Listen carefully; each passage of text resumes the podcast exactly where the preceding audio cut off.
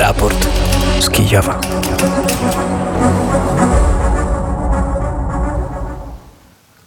587 dzień rosyjskiej inwazji na Ukrainę, inwazji na pełną e, skalę. Wita się Paweł Bobołowicz. Marcin Suchmiel realizuje naszą audycję.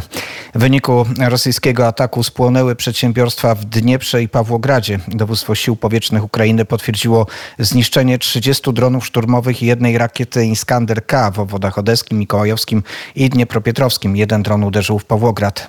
Siły zbrojne Ukrainy nieco zbliżyły się do granicy obwodów Donieckiego i Zaporowskiego oraz w okolice Bachmutu, wynika z raportu Instytutu Studiów nad Wojną. Ponadto wojska ukraińskie, mm, wojsko ukraińskie odbiło i utrzymuje utracone pozycje na południowy zachód od Robotyna.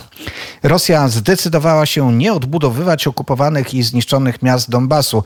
Tak oświadczył minister budownictwa Federacji Rosyjskiej, mówiąc o Popasnej, mieście w obwodzie ługańskim. Przed wojną mieszkało tam 20 tysięcy ludzi. Dziś w mieście nie ma już prawie nikogo. Ukraina otrzymała partię czołgów Leopard Leopard 2 naprawionych w Polsce, podaje Polska Grupa Zbrojeniowa. Podczas gdy inni składają deklaracje odnoszące się do przyszłości, my w porozumieniu ze stroną ukraińską działamy, podkreśliła mm, PGZ. Minister Aktywów Państwowych Jacek Sasin skomentował nieobecność Polski na Forum Przemysłu Obronnego w Kijowie w wyniku braku zaproszenia dla Polskiej Grupy Zbrojeniowej. Jak jednak poinformował ambasador Ukrainy w Polsce, a później sama Polska Grupa Zbrojeniowa, zaproszenie z Kijowa było, ale sama polska spółka zdecydowała się nie uczestniczyć w tym spotkaniu. Minister Sasin przeprosił za powstałe nieporozumienie. W Kijowie odbyło się spotkanie ministrów spraw zagranicznych Unii Europejskiej, szefów ukraińskiego MSZ Metro Kuleba powiedział, że czuje się konsensus w sprawie członkostwa Ukrainy w Unii. Polskę reprezentował podsekretarz stanu w MSZ Wojciech Gerwel. Minister spraw zagranicznych Zbigniew Rauf wyjaśniał swoją nieobecność w Kijowie dekoniunkturą w stosunkach polsko-ukraińskich. Przenosimy się chyba dzisiaj do Kijowa. Tam powinien być już Dmytro Antoniuk, ale być może się mylę. Dzień dobry Dmytrze. Dobry Pawle, jestem w Kijowie dotarłeś cały szczęśliwie przejeżdżając e, pół Ukrainy. Tak jest. Jestem na swoim właściwym posterunku. I z tego posterunku obserwujesz sytuację na wschodzie. Zacznijmy od tych informacji dotyczących tego, co dzieje się na froncie. Znowu mamy informację o tym, że siły zbrojne Ukrainy mm, przesuwają się do przodu, ale to takie sformułowanie nieco zbliżyły się do granicy obwodów Donieckiego i Zaporowskiego oraz w okolice Bachmutu e, brzmi tak nie do końca przekonywująco. Jak wygląda ta sytuacja na froncie? Mm, ja też nie obserwuję e, jakichś poważnych zmian na e, mapach, więc e, no, coś powiedzieć oprócz tego e, komunikatu od, e, od dowództwa Sił Zbrojnych Ukrainy e, niestety nie mogę. Oprócz tego, że sytuacja naprawdę na jak pod Bachmutem, tak i na kierunku tokmakskim jest dynamiczna i e, obserwujemy to, że, e, że niektóre odcinki i to małe odcinki frontu, e, linii frontu przechodzą z rąk do rąk. Mm, na razie, jeżeli chodzi o mm, o sytuację pod Bachmutem, to widać, że e, tam, gdzie przechodzi e, e, linia kolejowa, to w niektórych miejscach, szczególnie pod Andrzejówką, wojska ukraińskie tą linię już przekroczyli ale tam wyżej do, i bliżej do Bachmutu tam e, jeszcze są niektóre miejsca na zachód od tej linii, które są pod kontrolą e, wojsk rosyjskich. Także sytuacja tam naprawdę jest dynamiczna, jak e, i pod Awdiwką i w samej Marience, gdzie wróg atakuje. Była informacja o tym, że pod Awdiwką wróg no niestety miał sukces e, i przeszedł w być może nawet parę kilometrów, ale e, znów e, tam toczą się walki w tej akurat chwili i powiedzieć o tym, czy, czy udało się odbić wroga, czy udało się wyzwolić te przestrzeni, tą przestrzeń, to jest naprawdę ciężko. W ogóle powtórzę to, to, o czym rozmawialiśmy wczoraj, że za ostatni czas, no kilka tygodni, kilka tygodni widać, że jest no, pewna pewna stagnacja, tak? czyli pewna mm, nie ma e, ze strony e, wojsk ukraińskich nie ma jakichś poważnych sukcesów. E, myślę, że to jest spowodowane z, wielu powodów i wyczerpieniem też sił zbrojnych e, sił, e, którzy operują na tych odcinkach frontu i w tym być może, że niewystarczająco mają ciężkiego sprzętu, szczególnie niewystarczająco samolotów. No i tym, a to jest chyba najważniejsze, że wróg kontynuuje przerzucie, przerzucenie na te odcinki frontu swoich posiłków, swoich nowych dodatkowych sił, których u wroga jest dużo, niestety. Po, po prostu trzeba znów pamiętać o tym, że wojsk rosyjskich jest po prostu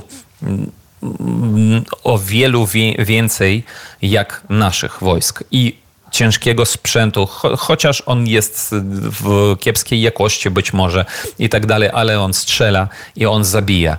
Nawet te czołgi z lat 50. i, e, i w, w działa z lat też 50. i tak dalej i często słyszymy w no, w propagandzie ukraińskiej, że e, śmieją się z Rosjan, z ich, e, z ich amunicji, z ich e, z ich armat i tak dalej, ale tego nie wolno e, robić, bo to wszystko zabija naszych ludzi i my wi e, widzimy teraz, e, że no jednak tego wystarcza na razie Moskwie, żeby trzymać te okupowane części Ukrainy.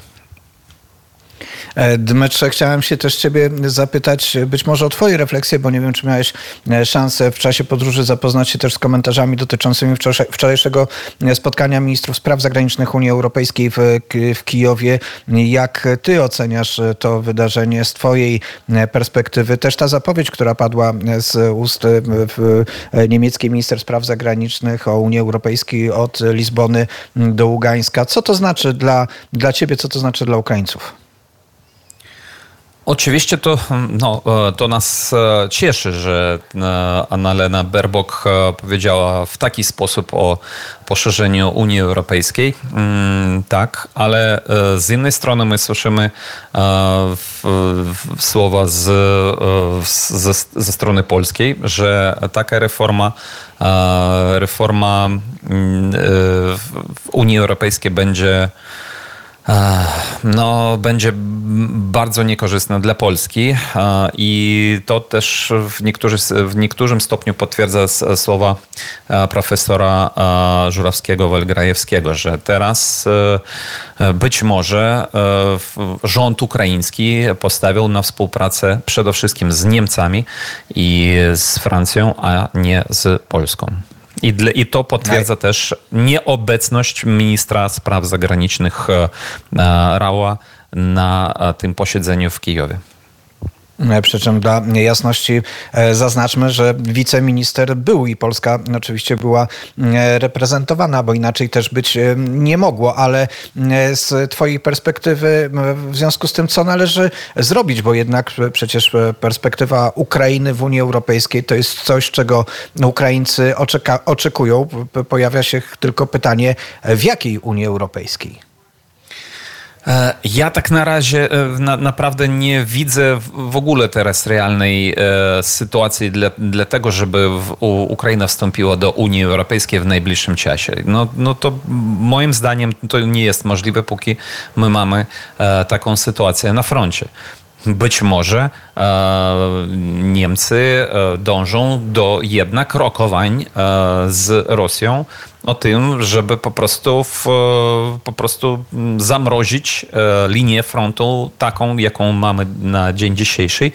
No i być może to by pozwoliło w przyszłości już w jakiś jakoś przyjęć Ukrainy do Unii Europejskiej. Ja naprawdę nie widzę teraz, żeby to było realne. Dmytrze, wczoraj rozmawialiśmy w czasie Twojej podróży, e, że wiedzieliśmy też, że masz przejechać przez Lwów. W końcu udało Wam się spotkać z Arturem Żakiem? Nie, niestety nie, bo miałem za dużo wszystkiego i no, po prostu musiałem trafić do Kijowa przed godziną e, policyjną, także e, nie tym razem, ale 6, 6 e, października w Lwowie w byłym Oscylineum w dzisiejszej bibliotece imienia Stefanyka o 15 jest, e, ja będę pre prezentować e, swoją książkę Zamki rezydencje w Ukrainie związane z polskimi E, rodami. Także zapraszam. Być może ktoś e, nas słucha, kto będzie w Lwowie w tym okresie. To już e, będzie piątek w tym tygodniu. Mm, czyli Artur Żak i Dmytro Antoniuk największą szansę mają na spotkanie na antenie Radia Wnet. Dziękuję Ci Dmytrze i przenosimy się do Lwowa, gdzie jest Artur Żak. Dzień dobry Arturze. Dzień dobry Dmytrze, dzień dobry Pawle. Tak, antena Radia Wnet to jest miejsce, w którym najczęściej e, ludzie mogą się ze sobą spotkać, nawet wtedy, kiedy nie mogą się spotkać w tak, tak zwanym realu, mówiąc współczesną nowomową. Polska Grupa Zbrojeniowa nie spotkała się na forum przemysłu obronnego ze swoimi partnerami e, w Kijowie, ale dzisiaj mamy informację o tym, że e, była zaproszona. Polska Grupa Zbrojeniowa tłumaczy się tym, że ma dużo kontraktów podpisanych z Ukrainą, które są realizowane. E, są realizowane od samego początku i rzeczywiście też obserwujemy, obserwujemy dwa takie ciekawe zjawiska, bo w tym samym czasie jest informacja o E, w, w wyremontowaniu leopardów, ale też e, są informacje w mediach ukraińskich e, obszerne na temat polskiej pomocy wojskowej od samego początku rosyjskiej inwazji po 24 lutego. W rzeczy samej, Pawle, wczoraj na antenie w raporcie z Kijowa wyraziliśmy niejako zdumienie albo zdziwienie, że Polska nie była wymieniona w tej liście państw, które wymienił po tym forum przemysłu obronnego w Kijowie prezydent e, Zeleński. E, od razu postawiliśmy taką e, tezę albo stwierdziliśmy, że to też jest dziwne, ponieważ PG, PGZ, Polska Grupa Zbrojeniowa, ma liczne, tak jak zaznaczyłeś, kontrakty i kontakty z sektorem obronnym e, Ukrainy. Później było to niefortunne stwierdzenie ministra Sasina, z którego muszę przyznać, e, bardzo szybko się wycofał, e, sprostował i przeprosił, co nie tak często się zdarza, jeżeli chodzi o, o błędy w wypowiedziach polityków. I tak, Polska Grupa Zbrojeniowa opublikowała serię takich postów na, na Twitterze, w których informowała między innymi o tym, o czym mówiłeś e, w wiadomościach, że pierwsza partia wyremontowanych czołgów Leopard już trafiła w ręce ukraińskie, ale oprócz tego Polska Grupa Zbrojeniowa publikowała mm, takie posty, które pokazują, jak pracownicy Polskiej Grupy Zbrojeniowej też pracują w warunkach polowych, w warunkach polowych, naprawiają, naprawiając e, ciężki sprzęt.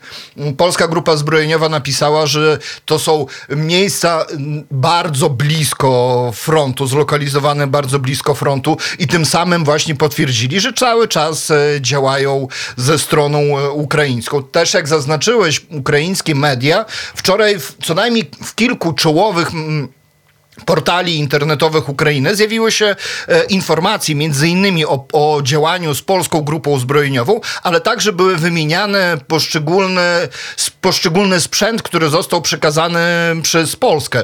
Więc tak, ukraińskie media zaznaczają i dziękują Polsce za to wsparcie. Czytałem też oświadczenie polskiej grupy zbrojeniowej mm, na temat tego, dlaczego, dlaczego oni dostali zaproszenie, dlaczego ich nie było. No faktycznie, głównym argumentem jest to, że współpraca trwa, że są podpisane kontrakty i jest bezpośrednie działanie między innymi przez jedną spółek, czyli PGZ Service Orwell, Orel z, z, z armią ukraińską. No więc tak, więc jeżeli chodzi o współpracę obronną, to współpraca nadal trwa. Chociaż chyba w tym wymiarze właśnie symbolicznym spotkań to bardziej mm, wprost w to stanowisko polskie wyłożył e, z minister Zbigniew Rau, nazywając e, dekoniunkturą w stosunkach polsko-ukraińskich obecną sytuację. Ciężko nie ulec takiemu wrażeniu, że te wydarzenia jakoś są ze sobą powiązane. Ale jak widać w wymiarze takim praktycznym współpraca wciąż trwa. Artur Żak z nami pozostanie, a my proszę Państwa trochę cofniemy się w czasie i powrócimy do wydarzeń z, sprzed ponad 30 lat, sprzed 33 lat.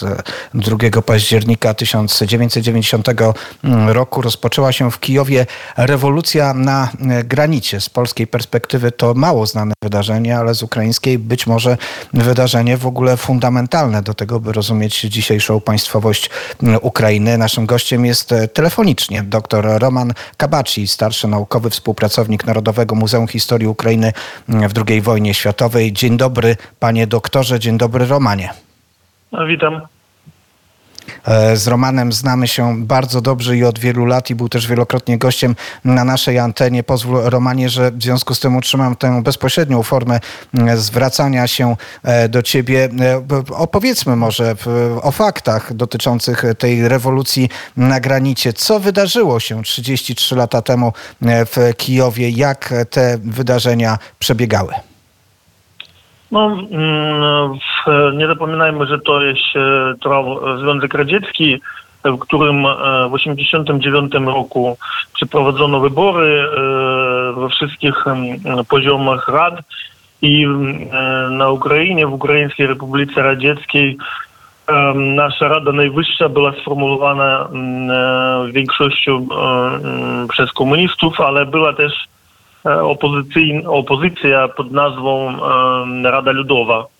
I po tych wszystkich wyborach Gorbaczow przewidywał, że będzie nowa umowa związkowa między republikami, bo już poszły procesy decentralizacji w państwach bałtyckich, w państwach Kaukazu.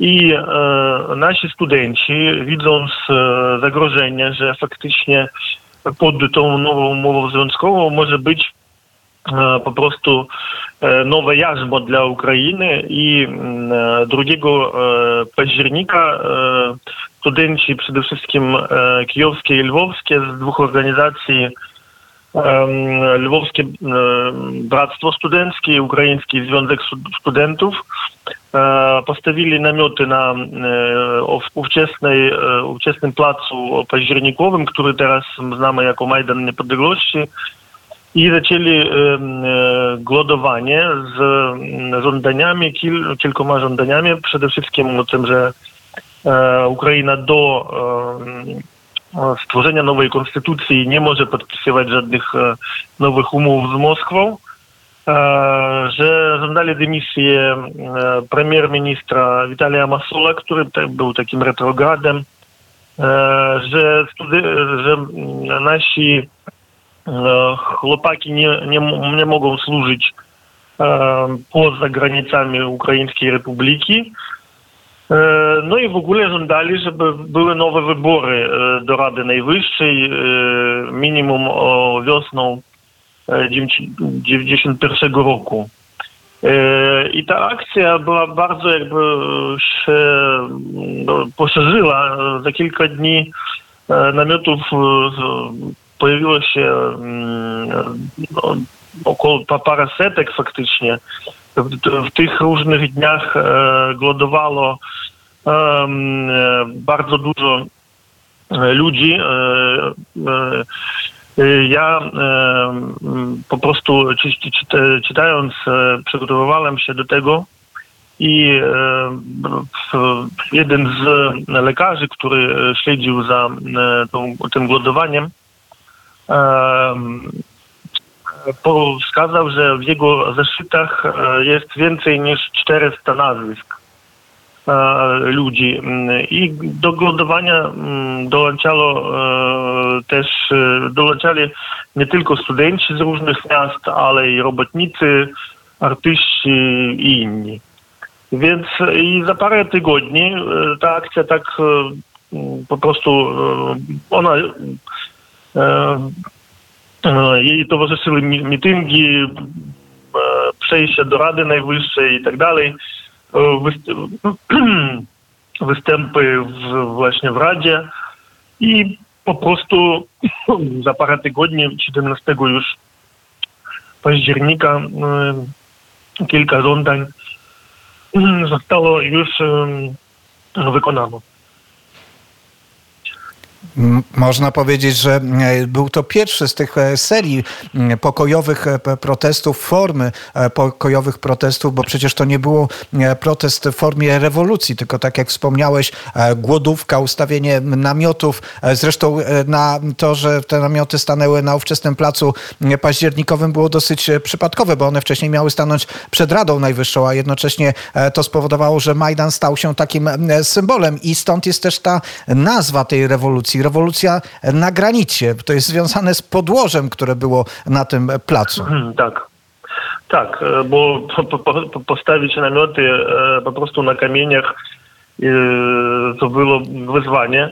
A drugie, że mm, tak, to było jakby taki jakby uchwyt studentów, bo właśnie oczekiwali, że te namioty będą w Parku Mariińskim przed Radą ale e, Majdan był faktycznie takim centrum i został potem centrum, jak wiadomo, że potem mieliśmy właśnie związane z Majdanem e, rewolucję pomarańczową w 2004 roku i rewolucję godności w 2013-2014 roku. I po prostu stało się takie centrum e, kraju. Mm, zgadzam się ta rewolucja na granicie też pokazała, że ta pokojowa metoda może spowodować jednak ustępstwa władzy, bo ona się odbywa w schyłkowym okresie Związku Sowieckiego, ale jednak przecież w tym samym czasie Związek Sowiecki pokazuje swoje zęby, potrafią jeszcze e, partyjni dygnitarze używać broni, strzelać do protestujących. W tym przypadku jednak e, protestujący studenci wymuszają rozmowy e, z władzami. Na Majdanie się też pojawia przyszły prezydent Krawczuk. No tak, e, Krawczuk oraz e, mm, jego e, jakby bliżsi współpracownicy udawali pozory faktycznie demokracji, ale też widzieli, że nastroje, zwłaszcza na zachodzie kraju, się bardzo szybko zmieniają. Na Majdanie pojawiły się flagi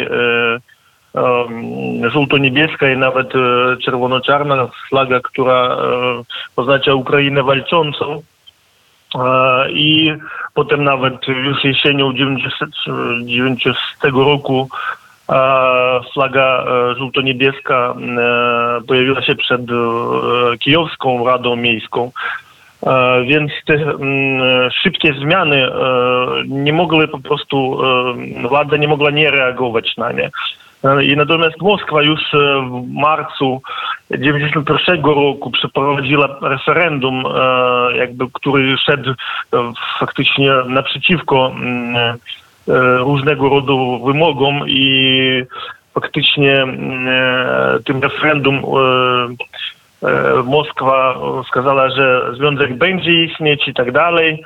I to potem doprowadziło do puczu, ale główna jakby no, z żądań to faktycznie było tylko dwa e, wykonane, że ten premier poszedł do dymisji i chłopaki zostali e, na Ukrainie służyć, ale e, nie było nowych wyborów.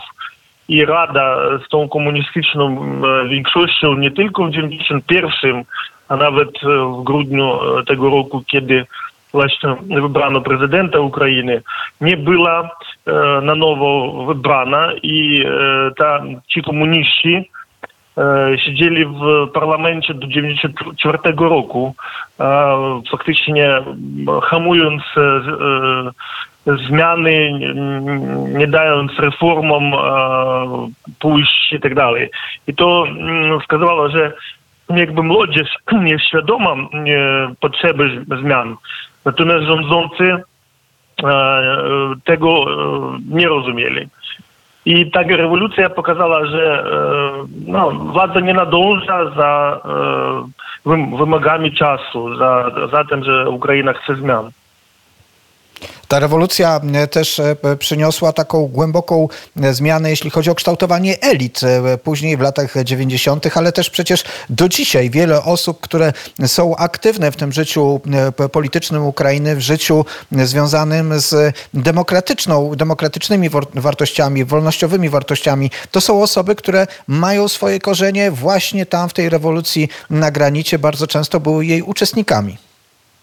Tak, i to mm, nie tylko politycy, jak na przykład Olesz Doni, kijowski e, lider mm, e, tej rewolucji, a też artyści tacy znani jak Maria Burmaka, e, piosenkarka, piosenkarka Angelika Rudnicka, e, e, dziennikarz i redaktor e, portalu Prawda Historyczna Wachtan Kipiani, on wtedy w Mikołajowie mieszkał. Więc to są ludzie, którzy są taką ostoją na naszej polityki. Ja sam się, się dziwię, że ja miałem wtedy 12 lat, mieszkałem na wsi, byłem synem nauczycieli i śledziłem za tymi wydarzeniami, a teraz to są moi znajomi, można powiedzieć nawet przyjaciele i bardzo się cieszę, że to są ludzie, no po prostu ludzie godności. E, rewolucji na granicie, Markian Iwasiszyn, e, został założycielem e, knajpy Dzyga, takiej bardzo ważnej dla Lwowa ośrodka kultur kulturalnego.